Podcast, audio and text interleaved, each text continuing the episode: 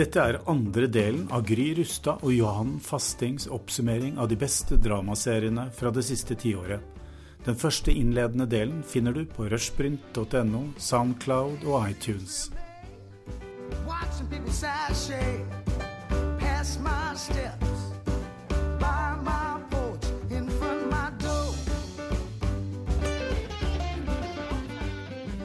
på det med min femteplass, nemlig Tremay. Eh, som da er David Simon og Eric Overmyers uh, hyllet til New Orleans og New Orleansk kultur etter Katrina. Um, her har man jo alle de tingene som Breaking Bad ikke har. Man har et utrolig stort, mangfoldig karaktergalleri. Masse interessante, dype kvinnelige karakterer. Melissa Leo, for eksempel. Oscar-vinner Melissa Leo er helt fantastisk. Eh, Candy Alexander um, eh, har også en helt sånn fantastisk rolle. Hun Altså, Tremay, vil jeg faktisk si, har den eneste ordentlig vellykkede voldtektsstorylinen på TV noensinne. Oi. Eh, Dette her, voldtekt, er noe som er ekstremt eh, vanskelig eh, å portrettere riktig. Det har man jo sett veldig mange eksempler på. Mens her får på en måte konsekvensene av den voldtekten får lov til å spille seg ut eh, over veldig, veldig lang tid. Uh, og det som er med Tremay, og det jeg syns er kanskje mest fascinerende og nyskapende med uh, Tremay, er jo at det er en historie som handler om hvordan kultur, og samlende kultur, kan være med på å bygge opp et samfunn. Altså, David Simon har sånne utrolig merkelige måter å lage TV på. Altså, for eksempel en annen serie som jeg også kunne hatt med her, Show Me a Hero, er jo faktisk en historie om boligpolitikk. Ja. Bra, bra innsalg. ja. Det høres kjempekjedelig ut, ikke sant? Men han klarer å gjøre disse utrolig viktige sosiale spørsmålene til noe humant, da. Fordi noe av det andre han er ekstremt god til, er jo å skape utrolig runde og komplekse karakterer. Eh, og det jeg syns er så fantastisk eh, med Tremay, eksempel de har hver eneste sesong så har det en Mardi Gras-episode. Og det skjer faktisk ingenting i denne episoden. Noen, altså Det er ikke noe plott for dem engang. Det er bare det at vi får lov til å være med disse karakterene, som vi blir kjempeglade i, og feire Mardi Gras. Og feire liksom New Orleans sjel. eh, Og liksom bygge opp denne byen etter denne utrolige tragedien. Og så tar jo serien opp altså, de vanlige spørsmålene. Du har en voldtekt der, så det er liksom kriminalitet. Den økte jo etter Katrina. Eh, man har udugelige politikere, korrupte systemer. Så det er jo liksom perfekt inn i um, David Simon-land. Men den er nok vanskeligere for folk å se enn The Wire, fordi du har ikke dette eh, undersøkende mysteriet, krimmysteriet i bunnen. da. Det her er bare mennesker som lever livene sine og prøver å bygge det opp etter en katastrofe. Ja. Nei, jeg, jeg kom meg ikke gjennom uh, mer enn hva, to, to episoder eller noe sånt Tremay, for det ble litt for stillestående for meg. Og så tenker jeg ok, jeg venter, venter med dette til folk begynner å mase om det, sånn som de begynte å mase med The Wire. Men uh, da er det bare du som maser. ja, jeg vet. Eh, Så jeg husker på om det er det fordi ingen andre har sett det, eller er det fordi eh, måte, det er for, er for smalt at det egentlig ikke Ja. treffer, eh, treffer bredt nok til at det får den der snakkis-greia som The Wire fikk. da. Men jeg liker jo jeg liker ideen om Tremay veldig godt, men når du sier sånn, «Nei, episode, hver sesong har en episode hvor det ikke skjer noen ting, så er jeg ja, OK. Greit. Jeg skal sette meg ned. Hvor mye er det? Ja, OK, det er 20 timer. Ja, greit. Jeg tar det i løpet Ja. Men det er også et eller annet, den blander jo inn mange andre sjangere også. Eh, som eksempel musikalsjangeren er jo på en måte en del av Tremay, fordi det er utrolig mange opptredener av lokale artister og andre artister. Det er veldig mye fokus på den rike musikkulturen og historien som New Orleans har. Mat er det jo også. Det er jo Altså, det var jo um, Chef's Table før chef, Chef's Table. Altså, det er sekvenser der hvor du bare får sett David Chang liksom lage en rett. Ja, ja. Altså, nei, det skjer ingenting, men det er et sånn, veldig sånn sanselig TV, da, vil jeg si. Ja. Men jeg skjønner at det ikke er for alle. Altså. Det har jeg ikke noe problem med. Ja. Fjerdeplass. Ja, Fjerdeplassen min, ja, det er Skal vi se, jeg lurer på jeg gjøre en Jeg vet jo hva dette er. Jeg bare lurte på om du skulle sjekke om noen Nei, The American Nei, ikke sant. Nei, vi er ikke der. Det var ikke Driver du og redigerer lista di? Omstrukturerer listen min nå. Nei, jeg skal bare sjekke For dette er jo en, en nettverks-TV-serie. eh, Amerikansk, eh, selvfølgelig. eh, som egentlig ikke føles som om Jeg er liksom, alltid litt liksom overrasket når jeg liksom blir minnet på at det er en nettverksserie. Det er jo da Hannibal, som er laget av en av min, mine store helter, som heter Brian Fuller. Uh, Brian Fuller har hatt en veldig interessant TV-karriere, syns jeg. Han begynte med Han var en av de som lagde veldig sånn uh, kunstnerisk uh, Kreativt ambisiøse, kansellerte serier på, på 2000-tallet. Så han lagde Wonderfalls, som var en fantastisk liksom, magisk, realistisk, quirky eh, komiserie eh, som ble kansellert. Og så lagde han eh, Dead Like Me, som handler om eh, Grim Reapers, en litt sånn dramakomedie om Grim Reapers på, på jobb. Eh, og så lagde han Pushing Daisies, som er en av de mine absolutte favorittserier, som også ble kansellert, som handler om en på en måte Lee Pace i, fra Holton Catchfire, som har evnet å vekke de døde til live igjen i, i ett minutt. Og løs, bruker det til å løse mordmysterier i også en sånn magisk, realistisk, fargerik eh, komidrama. Så Brian Fuller er en eh, fantastisk serieskaper eh, som har alltid vært liksom opptatt av det morbide. Eh, og har for øvrig også skrevet eh, alle de fire bra episodene av Heroes, for de som husker Heroes. så hvis du husker en bra episode av Heroes, så var det Brian Fuller som var episodeforfatter på den. Eh, og så har han da nå dette tiåret laget Hannibal, hvor han får, blir da gitt eh, urteksten til det som jo er en veldig populær sjanger, nemlig seriemordersjangeren. Så blir han da gitt Hannibal Lekter og får i oppdrag å lage en TV-serie om Hannibal. Eh, I hovedsak basert på vel den Red Dragon-boka. Kan jeg bare spørre om noe? Heter han Hannibal fordi det rimer på cannibal? Eh, Det skulle ikke forundre meg om det er liksom Robert Harris sin liksom, Hannibal the impuls. Cannibal. Hannibal the Cannibal. Eh, som jo er jo en eh, på en måte Altså, det er jo interessant i seg selv, da, den, hvor liksom eh, prominent den seriemordersjangeren er, også i dette tiåret. Og det er også en samtale man kan ha om at Netflix, som sitter med all tilgjengelig informasjon om hva folk har lyst til å se på, har innsett at de bare må pepre publikum med seriemorderting i alle formater, både dokumentar eh, og fiksjon. Eh, så det er jo på en måte noe som publikum alltid tiltrekkes av. Eh, mens for meg Man kunne også snakket om Mindhunter i en sånn oppsummeringssamtale som dette er, men Hannibal er for meg eh, kanskje det, det mest interessante eksempelet på den sjangeren da, som jeg egentlig kan komme på. Eh, som tar dette klassiske setupet med Mats Mikkelsens eh, kannibal-seriemorder Hannibal, og den eh, relasjonen han har til Will Graham, eh, som skal da eh, jakte, jakte på han. Eh, så er dette da en serie som er satt i eh, Ja, før mange av de mest kjente Robert Harris-historiene, hvor det handler om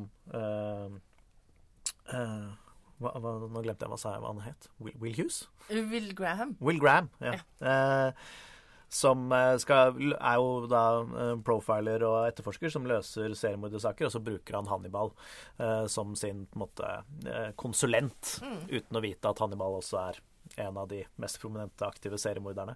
Og så er det den dynamikken mellom de to, men den går jo da Det som er jo da også i Mindnutter kjernen av den seriemordige, er jo det gå inn i psykologien, den mørke psykologien til mennesket, er jo det vi som publikummere syns er fascinerende med det, og som de beste seriemorderfiksjonsfortellingen også gjør, da, å på en måte tvinge en god person inn i det mindsettet til seriemorderen, og gjennom det på en måte konfrontere publikum med det mørke i oss selv, da, hva, hvor mye ondskap mennesket er kapabel til.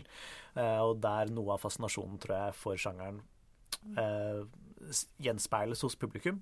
Og det er Hannibal er på sitt soleklart liksom den beste, det beste eksempelet på den dynamikken, da, fordi som er atypisk for en nettverks-TV-serie. At den er så ekstremt stilsikker og enormt ambisiøs i hvordan formspråket formidler den liksom sakte forkvaklede eh, ja, mentale psykologien til eh, etterforskeren. Eh, og bruker et formspråk og visuelle bilder til å bare gå totalt til angrep på en stakkars etterforsker som bare eh, går til grunne etter å ha blitt manipulert av Hannibal gjennom da tre sesonger med, med bare menneskets absolutt mørkeste impulser.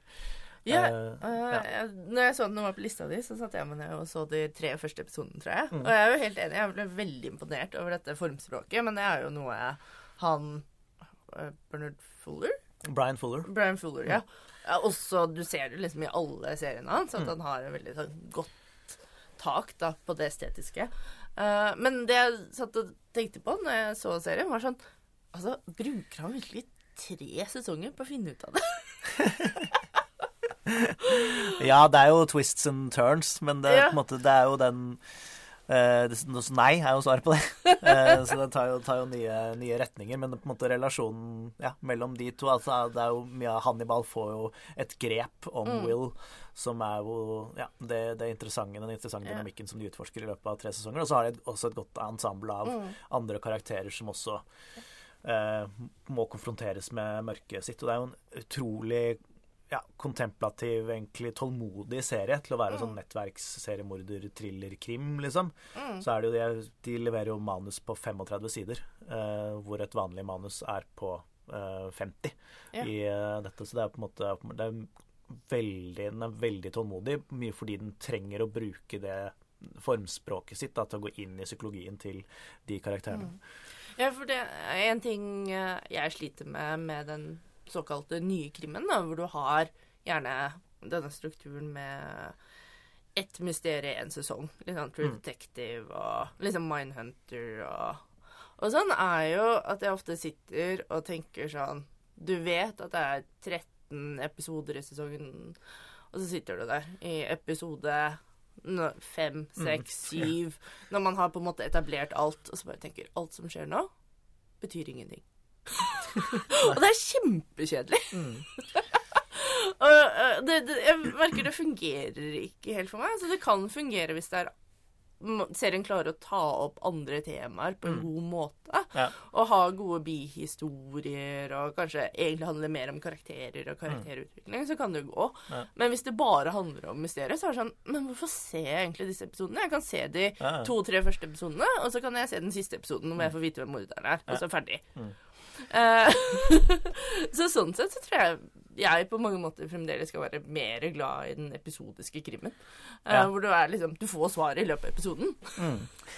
og finner det mer tilfredsstillende, faktisk. Jeg er litt sånn gammeldags der. Ja, ja. Nei, men sånn i tilfelle Hannibal, så er det jo på en måte sånn Ja, hvem Det er jo aldri et spørsmål om hvem er morderen. Det er jo liksom ikke Ja. en sånn Det vet vi jo. Ja, og Mm. også i de andre seriemorderne de er på jakt etter her, så er det jo egentlig ikke så spørsmål om hvem, det er jo spørsmål om hvor mye må Will ofre av seg selv for å Mm. fange på en måte vedkommende. Mm. det er mer Eh, Så det er på en måte hele tiden den derre sakte demonteringen av sinnet til Will, som Mm. Er utrolig godt fortalt, da. Ja. Og så snur de også på i, over i andre sesong og sånn, så endrer det jo litt, litt dynamikken i hvordan, eh, Ja, hvordan det fortelles. Det kan godt hende at jeg fortsetter å se, altså. Ja, ja. Det, det virket veldig kult. Mm. Og hvis det ikke er sånn der eh, red herrings, red herrings, red herrings i liksom de midterste episodene, så skal det nok gå greit. Ja, nei, det altså. er jo ikke Det vil jeg ikke påstå at det er. Min fjerdeplass er jo da Fleabag. Den har vi allerede snakket om. Igjen, superserie. Mhm. Yay, Phoebe Waller-Bridge. Jeg kan jo faktisk anbefale Crashing, da, som faktisk ligger på Netflix, som var Ja. hennes første serie. Mhm. Hvor du ser veldig mye av det hun liksom tar til nye høyder da, i Fleabag. Ja. Og så tredje Ja, er det min Skal vi se, det er din tur, ja, til å ta tredjeplass. Ja, jeg, ja, ja. ja, tredjeplass er jo da eh, også en veldig, veldig snakkis i, eh, i tiden. Sånn eh, Etter at Fleabag var ferdig, og alle mannsfatterne var ferdig å snakke om Fleabag, så kom det en ny sesong av denne serien som alle mannsfatterne kunne snakke om istedenfor.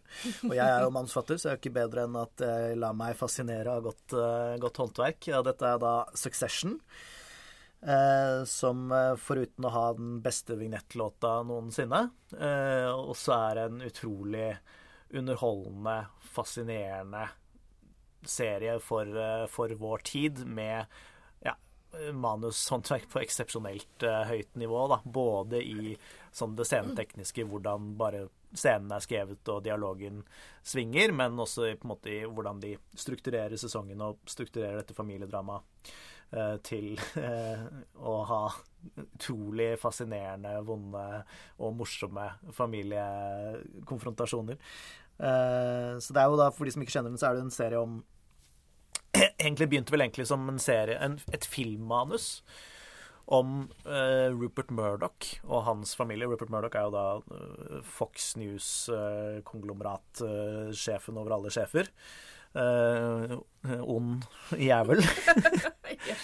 Eh, som har da eh, et familieimperium. Og dette var en, et spillefilmmanus som handlet om det som er da piloten til eh, Succession, som handler om at Rupert Murdoch, da Logan Roy i dette fiksjonsuniverset, eh, har blitt gammel og sliten og begynner å slite litt med helsa og må overlate imperiet sitt til eh, noen av sine fire, fire barn.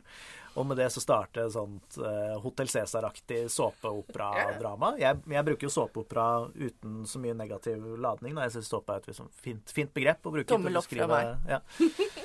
Så jeg har brukt hele sånn, jeg pleier å si såpeopera og meldrama, så pleier jeg å si det i sånn positive, positivt ladede tegn. Og dette er jo en såpeopera eh, på, på sitt beste. Mm, helt klart. Eh, Jeg vil si at det er en blanding av dynasti og Rested Development. Mm. Og det er jo egentlig det HBO har vært veldig flinke til. Å ta egentlig litt sånn uglesette sjanger og på en måte gi dem sånn polish av quality. Uh, som man kan se med Game of Thrones også. Er sånn yeah. uglesett fantasy-sjanger som Ja, men vi gjør den på HBO-vis, og så måte får folk lov til å glede seg over alle denne sjangerens liksom Alle såpeoperaen. Ja, men de kan føle seg smarte i samme Ja. Eh, og nøkkelen til HBO sin suksess. Og det er også tilfellet med Succession, da. Eh, og det er jo skrevet av Jesse Armstrong, som jo har vært eh, Og skrevet også for Veep, og jobbet med Armando Janucci på mye av hans eh, komiserier. Også laget den britiske Peep Show. Så han er jo en en serieskaper som kommer fra komediens verden, og det merker man veldig godt. Det er også noe av det som gjør at Succession er så gøy, og det som gjør at det er liksom den serien hvor jeg gleder meg desidert mest til en ny episode. Uh, I hvert fall de siste årene. Uh, fordi det er på en måte et sånt såpeopera-familiedrama som er veldig relevant for vår tid. For det handler om jævlige kapitalistsvin, liksom, som er helt fucka av å måtte være milliardærer. Og den psykologien og de strukturene som ligger liksom på toppen av the one percent, som terroriserer eh, resten av verden. Altså, der i seg selv så er det alltid en sånn evig interessant undertekst, men så er det jo på en måte komediebehandlingen av det som gir det en sånn energi og spiss som holder meg underholdt hele veien gjennom, da, så jeg får egentlig det jeg vil ha. At jeg vil, det skal både være underholdende, det skal være gøy, men det skal også være interessant og fascinerende. Og der er Succession Ja. dritbra. Altså Eh, Spørsmålet hvorfor eksisterer denne historien, Mm. gir seg jo selv. Altså Dette her er en ekstremt stor maktfaktor i verden, og det er veldig interessant å se hva, hvordan er det disse menneskene egentlig lever. Ja, ja. Og de er jo så forkvaklet av sin egen eh, rikdom eh, at det på en måte ja, informerer jo alle valgene de tar gjennom hele serien, og blir liksom en sånn ja, eh, hvis man, Jeg tror man burde se på det som en komiserie, da. Uh, Ja. Det hjelper. Satire, uh, kanskje? ja. Vil du kalle det en satire? Ja, den har jo sånn satiriske elementer ved seg, men den er jo ikke skrudd til Nei, sånn som satiren kanskje er, da. Sånn, Mm. men uh, Ja. Ja. for jeg tenkte litt på det om det er en satire, eller om det bare er liksom en komedie som handler om helt forferdelige mennesker. Ja, jeg vil nok eh, ja, legge, meg i sistnevnte. Men så er det jo, men så er det jo også Det er jo timesdrama. Som den er jo avhengig av at karakterbuene funker, og det gjør de jo også. Det er utrolig på en måte emosjonelt og psykologisk interessant. Den eh, familiedynamikken som er i spill til enhver tid, er jo spesielt hvordan, hvor avhengige disse stakkars karakterene er av anerkjennelse fra en mm, på en måte manipulerende shitbag av en far. Ja. Og en forferdelig mamma òg. Ja. Herregud. Ja. Altså, det er, altså, det er jo Arrested Development, sånn sett. Mm. Altså, Disse foreldrene er jo helt ubrukelige. Ja. Og så er det også en styrke i serien, føler jeg, at den tar episoden veldig på alvor. da. At hver, yeah. hver uke så er det de har valgt, tatt et valg. Hva er, det, hva er Mm. denne episoden? Hvor foregår den? Eh, hva skal dette handle om? At det ikke er en sånn lang storyline som man glir over i det neste. Mm. At de hele tiden på en måte velger et eller annet fokus for episoden som gir dem gir hver episode en, en egen energi, men som også tillater dem å ja, ikke alltid følge plottet. At innenfor den episoden så kan de bruke de komedietalentene de har, og si OK, men nå er vi på den Hele episoden foregår på den nattklubben. Da er det gøy å ha en scene hvor Ja, han har Ja, altså Ja. Hvor, det, hvor det har skjedd gøye ting, da. Ja. Eh, uten at det trenger å ha noen sånn videre narrativ funksjon. Ja. Eh, som jo er også utrolig forfriskende å gjøre det.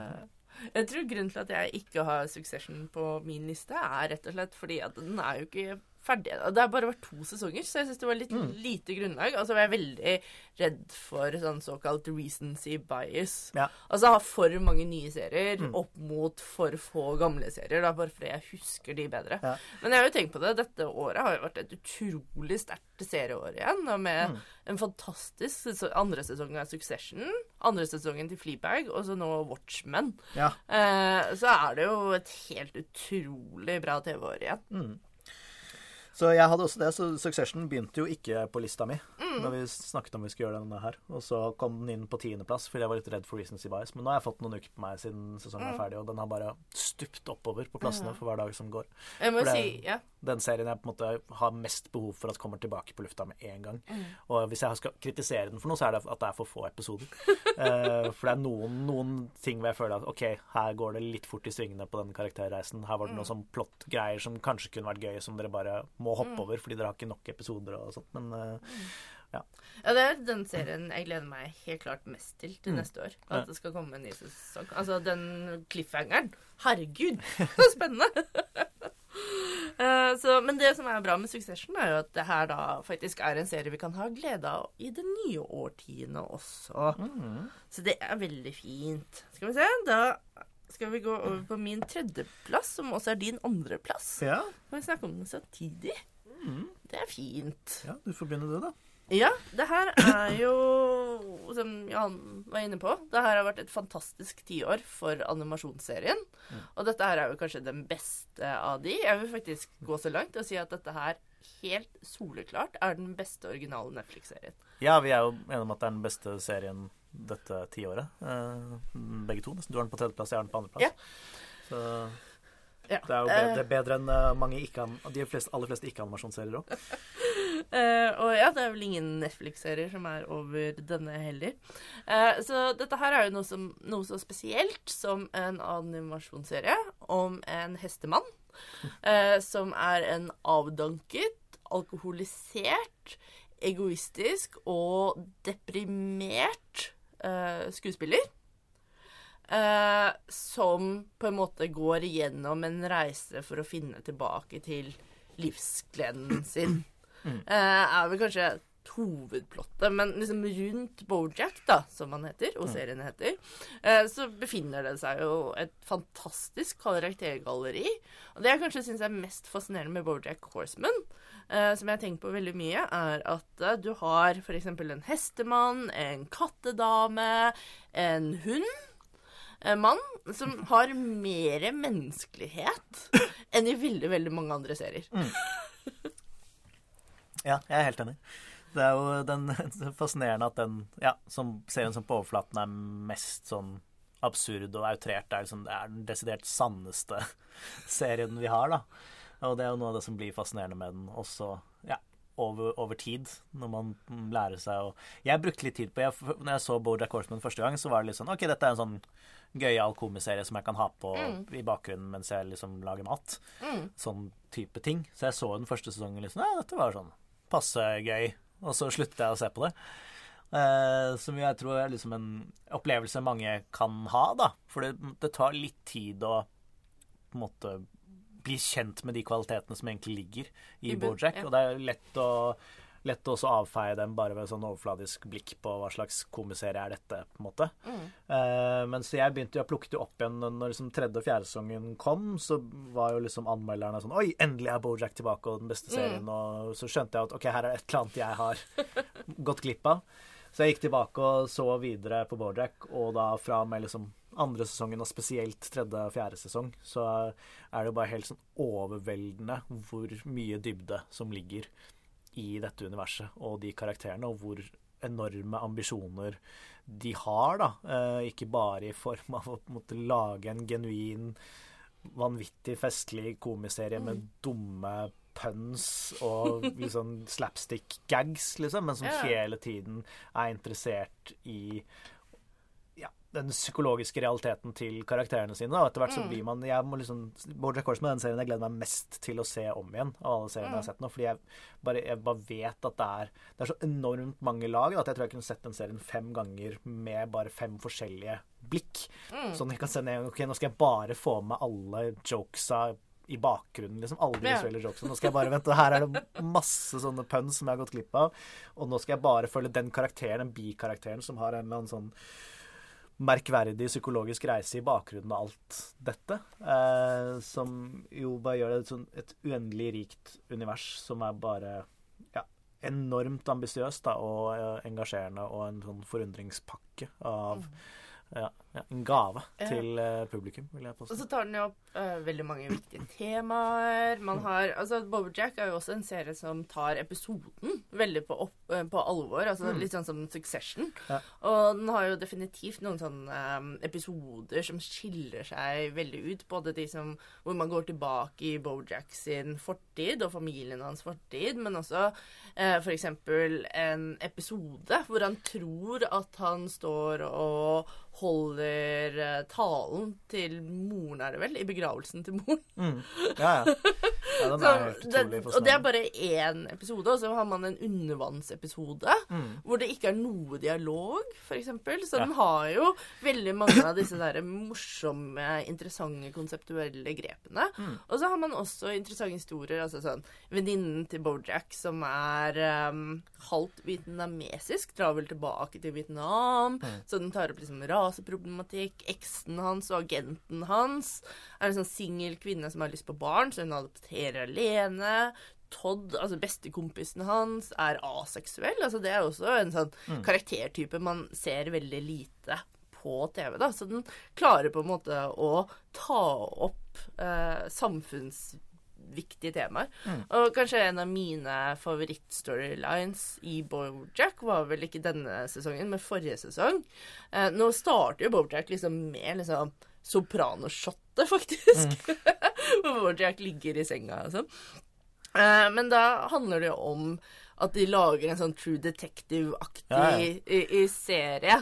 Eh, så den tar faktisk opp eh, liksom misogonien da, Mm. i Hollywood og Hollywood-serier, som var utrolig tilfredsstillende. Ja. Her kan man virkelig snakke om satire.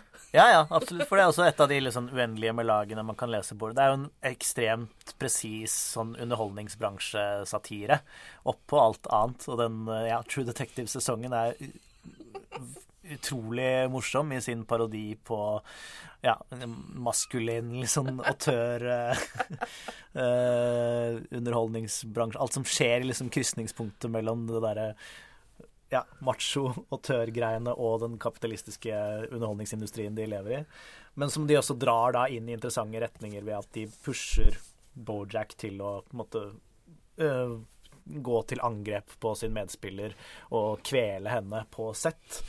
eh, som er veldig sånn klassisk ja, Bojack-vendepunkt. da, fordi liksom, Bojack er jo ganske lik Fleabag på mange måter, i at den liksom, emosjonelle drivkraften i serien er hvor mye Bojack egentlig hater seg selv. At han lider av en sånn enorm selvforakt som driver han til å bli et enda verre menneske, som driver han til å gjøre enda verre ting, som driver han til å hate seg selv. Den onde spiralen av selvforakt som leder til måte, depresjon og utagerende alkoholisme som de er inne i som siste sesongen, er jo en utrolig sånn tungt og vondt uh, i sin tematikk. Også hvordan de behandler det. De behandler det jo 100 seriøst, selv om det er en hest liksom, med et rart navn. Ja. Så er det jo ikke liksom, et sekund hvor de måte, ikke tar disse tingene på alvor, men klarer da samtidig å spinne Bojacks destruktive selvforakt inn i en hendelse hvor han da gjør noe liksom alvorlig, alvorlig galt. Og i kjølvannet av det så får du både satiren på hvordan bransjen håndterer at skuespilleren deres har liksom hatt et veldig sånn offentlig meltdown og gått til angrep på sin medspiller på sett, som spiller ut i liksom både metoo og masse andre ting som man kan trekke paralleller til, og er veldig gøy, men samtidig ja, emosjonelt knusende for Bojack, da, som leder han inn i det som nå er den siste sesongen, som vi er halvveis gjennom. Gleder Hvor han prøver å liksom, få skikk på livet sitt og finne en måte å elske seg selv på. Som vi får se om de, han kommer til å klare eller ikke. Ja, det blir spennende. Det er- siste episoden kommer vel i januar.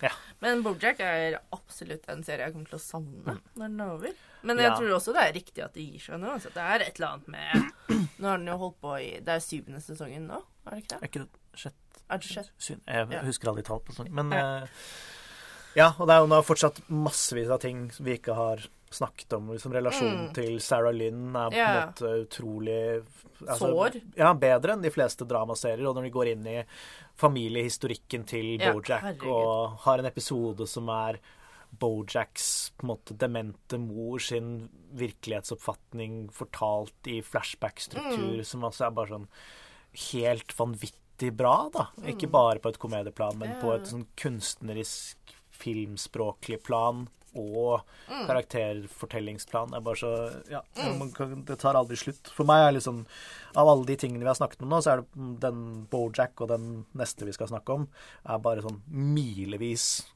foran de andre seriene vi har snakket om. Det er på en måte Kan være et nivå som det, altså.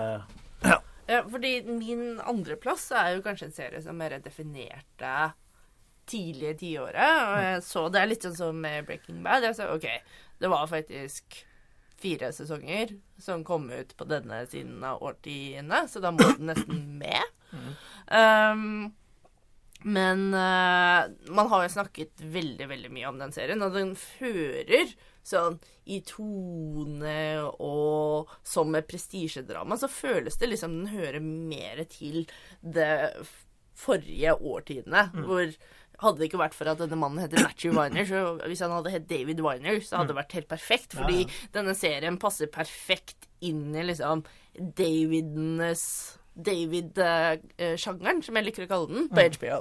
Nemlig Mad Men. Altså, dette her er et prestisje-kvalitetsdrama som man snakket om på, i forrige årtiende. Eh, altså da Mad Men og Don Draper er liksom den perfekte liksom, kvalitets-TV-helten som passer perfekt inn der med liksom Tony Soprano og eh, Walter White og resten av gjengen. Eh, men eh, grunnen til at jeg tok med Mad Men, er jo fordi På en måte så kan man kanskje si at de aller beste sesongene var faktisk sesong to og tre, og fire, vil jeg faktisk si, av den serien.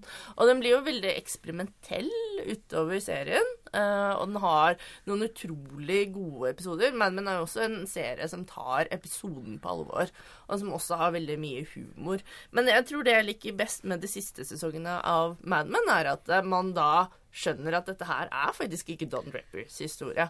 Dette her er soleklart Peggy og Joan sin historie. Og det ser man veldig eh, på hvordan eh, Mad Men avslutter. Altså, Don er jo en slags kameleon som liksom klarer å overleve alt. Men det er jo de interessante karakterreisene i Mad Men er jo Peggy og Joan sitt. Og den Altså den giffen, eller den scenen, uh, hvor Peggy går ut av disse kontorene med esken sin Ja, ja. og bildet av disse pulene Hva er det der? Jeg tror det er um, Det er noen sånne um, monstre som hun har fått av Bert Cooper. med solbriller og røyken i munnen. Så tenker man OK, dette er faktisk frigjørelsen. Uh, og det Jeg har jo skrevet um, avhandlingen min, faktisk, om Mad Men, så jeg begynner kanskje også å bli litt lei av å snakke om Mad Men. Uh, men det er jo Det jeg tror jeg liker aller best, er jo den derre utrolig like, rike Uh, stilen og det estetiske, hvor alle disse estetiske detaljene forteller en historie om hvordan eh, samfunnet forandret seg på 60-tallet. Altså, Mad Men er jo en serie som handler om de kulturelle revolusjonene, uh, som da f.eks. kvinnerevolusjonen. Og det blir så tydelig å se da i Mad Men da, at det er faktisk det uh, hovedsakelig denne serien handlet om. Ja, det ligger jo på en måte i vignetten allerede, det. Det er en uh, mann som uh, faller. Det er min kone som pleier å si det at Mad Men er en serie om mann, mannens fall. Ja. Eh, som jo Jeg liker jo Mad Men uh, ganske godt. kanskje ikke veldig godt, men ganske godt. At den blir litt for nedpå for meg noen ganger. Men uh, også er det det at jeg så alle, alle Jeg så sesong tre, fire, fem, seks på, liksom, i løpet av en veldig kort periode. Så jeg husker liksom ikke hvor, hvor den ene sesongen begynner og den andre slutter. Så jeg tok den ikke med i liksom, diskusjonen om dette, dette tiåret. Men uh, det er jo for å plukke opp samtalen vår om uh, Walter White, da. Ja. Er, hvorfor har, har Matthew Wiener et ansvar? Uh, Hvor mange publikummere er det som misforstår det vi nettopp har snakket om, og tenker at Don Draper er faen meg den feteste, kuleste mannen som man drømmer om å være, og jeg skal få meg kontor med fete stoler, og der skal det være whiskyglass, og, og ja, har, du, har altså, du noen tanker om det? Nå tror jeg ikke at de mm, farlige, giftige fansen så på Mad Men. Nei. Fordi rett og slett det er litt for kjedelig. Det er ikke noe pistoler, det er ikke noe gangstere. Mm. Så Matthew Winner, siden han lager kjedelige TV-serier, har ikke noe ansvar på samme måte som uh, Vince Gillen Nei, han- så, eller det Han har ikke det ansvaret, fordi de publikummet som Mad Men tiltrekker, er rett og slett smartere enn publikummet som Breaking Bad tiltrekker. Ja, men jeg har møtt ganske mange menn som digger Don Raper, da, og som syns det, liksom, han er den feteste fyren, liksom. Så det, de fins men uh, det men, kanskje... ja, men nå er jo ikke det sånn derre De digger jo ikke Don Draper Altså, ja, sånn kapitalistisk skip, sånn Exit Succession-fyr er han jo. Men han er jo ikke en morder, som Nei. Walter White er. eh, Eller voldtektsmann. Og det er jo Det er litt forskjell der. Det, Ja, ja. De to tingene der er ulovlig. Mm. og det Don gjør, er jo for så vidt lov. Ja, ja, men han er jo liksom en misogyn dust òg, da. Absolutt. Så- Men han blir jo satt veldig på plass, men det blir jo Walter også, selvsagt. Men det er jo Det er jo på en måte Peggy og Joan og disse kvinnene som jeg finner mest interessant Mm. med Mad Men. Ja, det er jo de jeg liker, liker best også. Så jeg, noe av grunnen til at jeg kanskje ikke er så engasjert i Mad Men, er jo så mye plass Don Draper egentlig tar, da. Og at jeg egentlig aldri har likt det. Jeg er jo ikke så glad i Sopranos heller. Det er, liksom, det er liksom så, At det er liksom ledet av så veldig sånn Giftig maskulinitet. Ja, på en litt sånn kjedelig måte. Altså, jeg kan tåle det liksom i en sånn underholdningssjanger, men det er liksom en sånn kontemplativ studie av på en måte giftige menn, så blir det Men jeg bryr meg Altså, du er bare kjip, liksom. Hvorfor må jeg se på deg Skal jeg se på deg i 70 timer at du er en sånn kjip fyr? Hvor psykologisk interessant er det egentlig? Men uh, når det er sagt, så liker jeg Mad Men godt.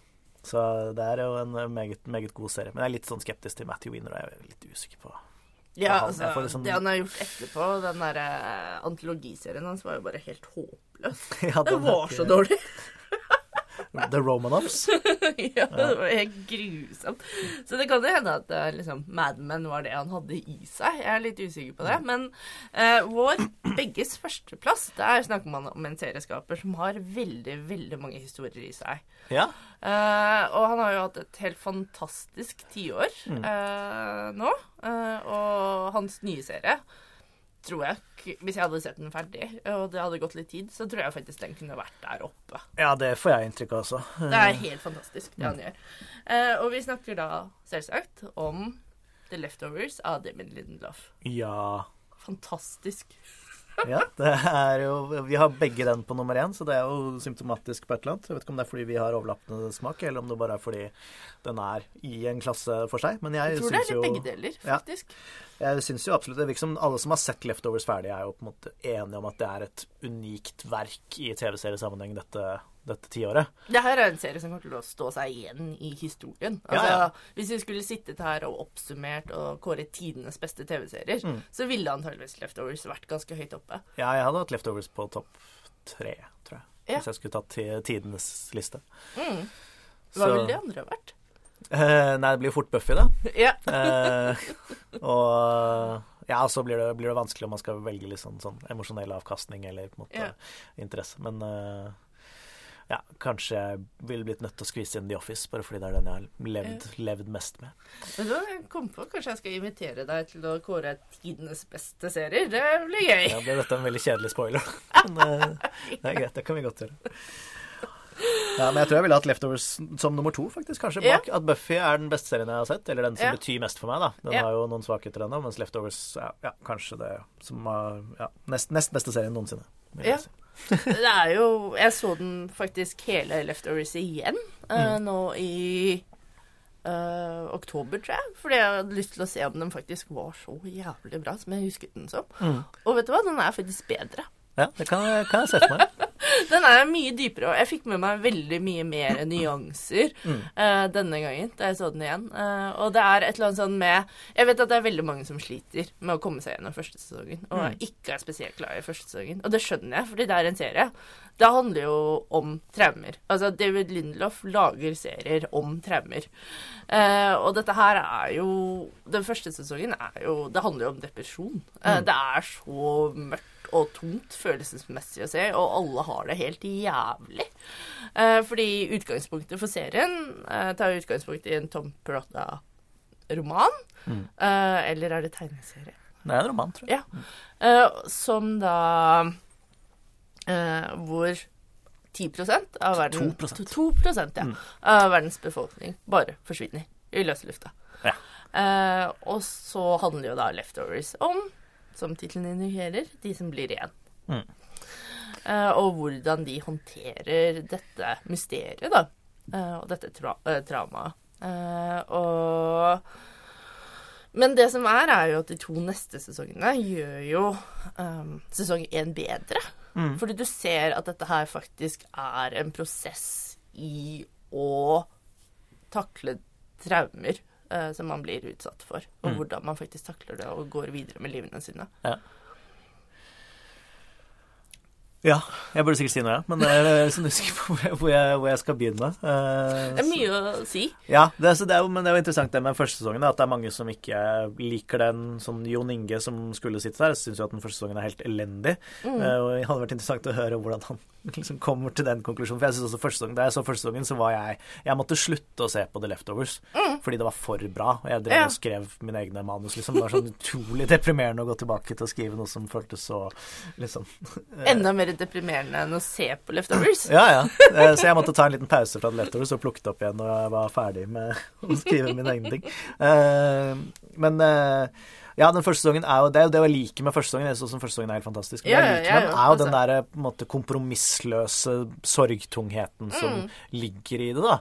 Og jeg føler de er så ved å på en måte dra karakterenes litt sånn irrasjonelle håndtering av sin egen som sorg og depresjon ut så langt som de kan tillate seg, så kommer de til en eller annen ja, som vi snakket om, at Bojack er kanskje den sanneste serien til tross for alle sine hestegreier. Så er jo Leftovers i sine på en måte ulogiske, tilsynelatende absurde krumspring ut i karakterenes litt sånn håndteringsmønstre. Mm. noe av det som gjør at de, jeg føler de kommer til en eller annen kjerne i hvor absurd og vondt det er å bare være et menneske som lever, på en måte.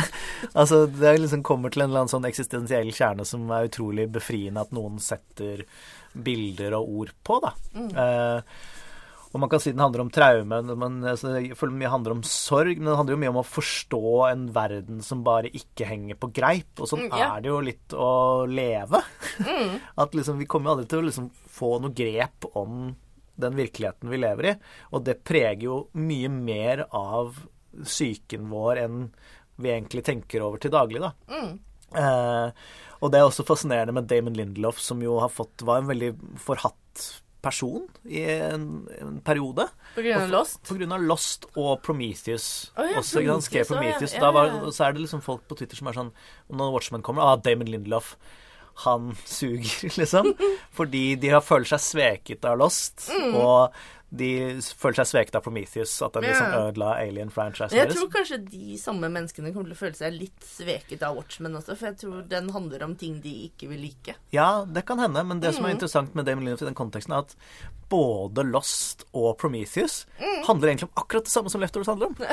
Og Lost, yeah. hvis du bare leser helt bokstavelig, så Lost er jo da en serie om en gruppe mennesker som blir forlatt Mm. på en øde øy, i en verden som er litt overnaturlig, men som er umulig å forklare. Og i deres forsøk på å forklare den verden de befinner seg i, så drives karakteren ut i forskjellige retninger. Så du har Jack, i Lost, som prøver å liksom samle folket og på en måte Vi må bygge et samfunn og på en måte ikke tenke så mye på verden rundt oss. Og så har du Lock, som tar den spirituelle retningen ut og så prøver å forklare dette gjennom et eller annet spirituelt Ja, Sawyer, som har en litt mer sånn uh, At du må bare gi, fa gi faen, liksom. Yeah. Ja. Og så har du Desmond i sesong to, som sitter nede i denne grotten og gjør sånne irrasjonelle ritualer hvor han taster inn den samme tallkoden tallkoden igjen og igjen, fordi han har fått det for seg, eller fått en beskjed om at dette er den eneste måten man kan løse denne tilsynelatende ulogiske eksistensen på, er å bare gå inn i et eller annet rituale som man gjentar igjen og igjen. Og alle disse måte, karakterreisene i Lost er jo representert på samme måten i Leftovers, da, men Leftovers er jo fri fra den der kommersielle behovet for å løse mysteriet. Og Så- det var Lindelof veldig tidlig ute og, og med å si, Mm. er at du kommer ikke til å få et svar på dette mysteriet. Mm. Sånn fra før episode én tror jeg vi fikk beskjed om Mm. det. Bare sånn Ja, ja. Og ja, det er jo ja, utrolig, utrolig befriende, for da kommer du jo til kjernen av de menneskelige, den menneskelige reisen som vi alle går igjennom. Det er jo hvordan, hvordan håndterer vi det å være et menneske i en verden som vi ikke kan forklare? Og det gjøres jo på veldig mange interessante og spennende måter. Altså, det, Guilty Revenant er jo en viktig del i Loss, som er en sånn sektlignende organisasjon eh, som ender opp eh, Altså, deres historie blir jo på en måte en historie om ekstremisme og terrorisme, faktisk. ja. Eh, hvor man skjønner liksom hvor galt det kan gå da, når folk blir ekstreme i sin fanatisme og sin tro eller overtro, hva Mm. enn man skal kalle det. Altså, det er jo en veldig vanlig måte for mennesker å løse de der eksistensielle spørsmålene. Mm. Eh, og så er det jo andre måter å løse det på, som, som eksempel å skape en familie. eh, som fungerer eh, en stund der. Altså hvordan man liksom OK, verden blir for vanskelig og stor å, å forholde seg til, så da forholder jeg meg til mitt lille univers, nemlig familien. Og det er jo litt interessant med en annen god serie som kom i år, altså Years and Years. ja, den har ikke jeg sett. Uh, som handler om at jorda mer Altså det er spekulativ fiction, eh, hvor da det begynner i dag, og så går vi vel sånn syv-åtte år frem i tid, og verden går jo bare mer og mer til helvete. Altså Trump slipper en atombombe over Kina og Men det som er interessant, mens liksom verden går under pga. krig, økonomisk opprør um, uh, eks, eh, høyreekstremisme og biologisk uh, Altså nedbrytning, da. Så fungerer liksom den familien. Altså disse familiemedlemmene la på en måte ikke merke til at dette skjer. Fordi mennesket er jo også ekstremt tilpasningsdyktig, og det tror jeg også Lost får veldig godt frem, da. Altså, selv om de er deprimerte og de sørger og de ikke vet, så prøver de på en måte å tilpasse seg denne nye verden. Mm. Så det er et håp der også, og det er jo ikke en Det er jo ikke en håpløs serie, vil jeg si. Nei, nei, absolutt. Det det er, det er også interessant med den parallellen til Lost. At den, jeg føler jo Damon Lindelof trekker litt den samme konklusjonen i Leftovers som man gjør i Lost. Det er i hvert fall tar liksom kjernen av Lost. Det er den episoden som står igjen av Lost. Det er jo uh, The Constant, som er Desmond sin liksom, som blir unstuck in time og flakkes gjennom en sånn tilsynelatende ulogisk uh, tidsreisehelvete. Og eneste måten Desmond kan orientere seg på i en verden som på en måte han ikke får grep om, og som kaster han frem og tilbake gjennom virkelighetsplanen, er jo å bare gripe tak, tak i det mennesket som betyr noe for han. Eh, og det er jo derfor den episoden står igjen i Lost, fordi den måte, emosjonelle sannheten i det, at den verden som ikke fungerer, eneste måten du kan løse det på, er å bare klamre deg til de menneskene som betyr noe. er jo den samme konklusjonen Lindelof kommer med i Leftovers, egentlig. At du, kommer, du kan prøve så mye du vil å forstå. Du kan prøve så mye du vil å kontrollere den verden vi lever i, men du kommer jo aldri til Det er et naivt prosjekt. Så Leftovers gjør på en måte også narr av egentlig alle former for religiøs utøvelse. utøvelse. Fordi på en måte, ja ja, det er fint, men du er jo litt sånn Du er litt naiv hvis du tror at det du kommer noen vei med disse tingene. Ja. men så det eneste vi har å lene oss på, er jo de relasjonene vi har. Og igjen og igjen så kommer jo Lindelof tilbake. Slutten av sesong to og slutten av sesong tre kommer tilbake til den kjernen at det er ikke noe vits å prøve å forstå, egentlig. Du må Nei. bare ja, ta vare på de menneskene rundt deg som betyr noe for deg. Og der er der du kommer til å finne mening. Eh, som igjen, ja, er en håpefull konklusjon da, på en Veldig liksom, humanistisk. Ja, ja. På en serie som har da vært nede i de sånn dypeste, ja. mest håpløse ja, avgrunnene underveis. Og det er fortsatt masse vi ikke har snakket om, som på en måte friheten i og surrealistisk innfall, Ja, hvordan disse sesong to bare plutselig går over i en slags sånn veldig likt eh, ja, Twin Peaks på mange måter. Hvordan de på en måte tillater seg å gå inn i en drømmeverden som tilsynelatende henger på greip, men desto nærmere du går den etter i sømmene, ikke henger på greip overhodet, da, men som klarer å ja, bruke det universet både til å lage utrolig underholdende plott, som yeah. samtidig sier alt om det karakteren har vært gjennom og skal gjennom videre. Uh, og ja, Og igjen en uh, serie som tar episoden på alvor. absolutt Altså hvor alle episodene har en slags point of- view-karakter som Mm. vi følger. Så hver sesong så får man liksom Matt-episoden, eller man får Nora-episoden. ja. um, uh, som også er Gjør det til Hvor de leker veldig med um, forskjellige sjangere innenfor disse Mm. spesifikke episodene. Sånn at du Det jeg likte vel elsket med Leftovers, og for så vidt egentlig Mad Men, var at jeg aldri helt visste hva jeg kom til å få. Mm. Ja, det er utrolig forfriskende at man setter på en episode og bare Nå kommer jeg til å bli overrasket, men det, kommer til å være dritbra. Ja. sånn, man kan aldri, jeg kan aldri på slutten av episode fortelle deg hva som kommer til å skje i begynnelsen av neste episode. Ja. Og det setter jeg enormt stor pris på. Da. Ikke sant? Altså, når jeg satte på sesong tre av Leftovers Jeg hadde aldri trodd at midt inni der at jeg skulle få en episode som handlet om en sexbåt, hvor alle tilba en løve, men som tilfeldigvis også hadde Gud som karakter. Ja, den episoden er helt sinnssykt bra. Den samtalen presten Matt har med en mann som utgir seg for å være Gud, og Matt bare skal konfrontere ham med det, men i løpet av sånn to replikker bare har fullstendig akseptert den realiteten at han er nødt til å være Gud, og jeg skal faen meg ta han. Det er jo en av de aller beste scenene i en av de aller beste episodene. Eh, Og ja, hele, men også igjen da, hvor morsom Leftovers blir. Ja. Første sesongen av Leftovers er ikke sånn spesielt morsom, det er noe sånn veldig mørk humor, men Ja. to og tre så blir den også veldig underholdende og mye Ja. bra, bra komikk inni det også, nettopp representert ved denne løven som heter Frasier. Den hellige løven Frasier, uh, som ender opp med å er det, Hvem er det han spiser på? Spiser han Gud? Ja, han spiser- Gud blir spist av den hellige løven Som er bare Det er rasende festlig. Altså, det er et slags sånn overskudd i kreativitet um, i den serien. Uh, og rent sånn estetisk og formmessig og strukturelt så er den jo også et mesterverk. Altså, fordi det er så mye den klarer å håndtere og sjonglere eh, på samme tid. Men det som gjør den da til et mesterverk, er jo at alle disse rare krumspringene har en emosjonell sannhet for karakterene. Og det er det som gjør serien så utrolig bra. Ja, absolutt.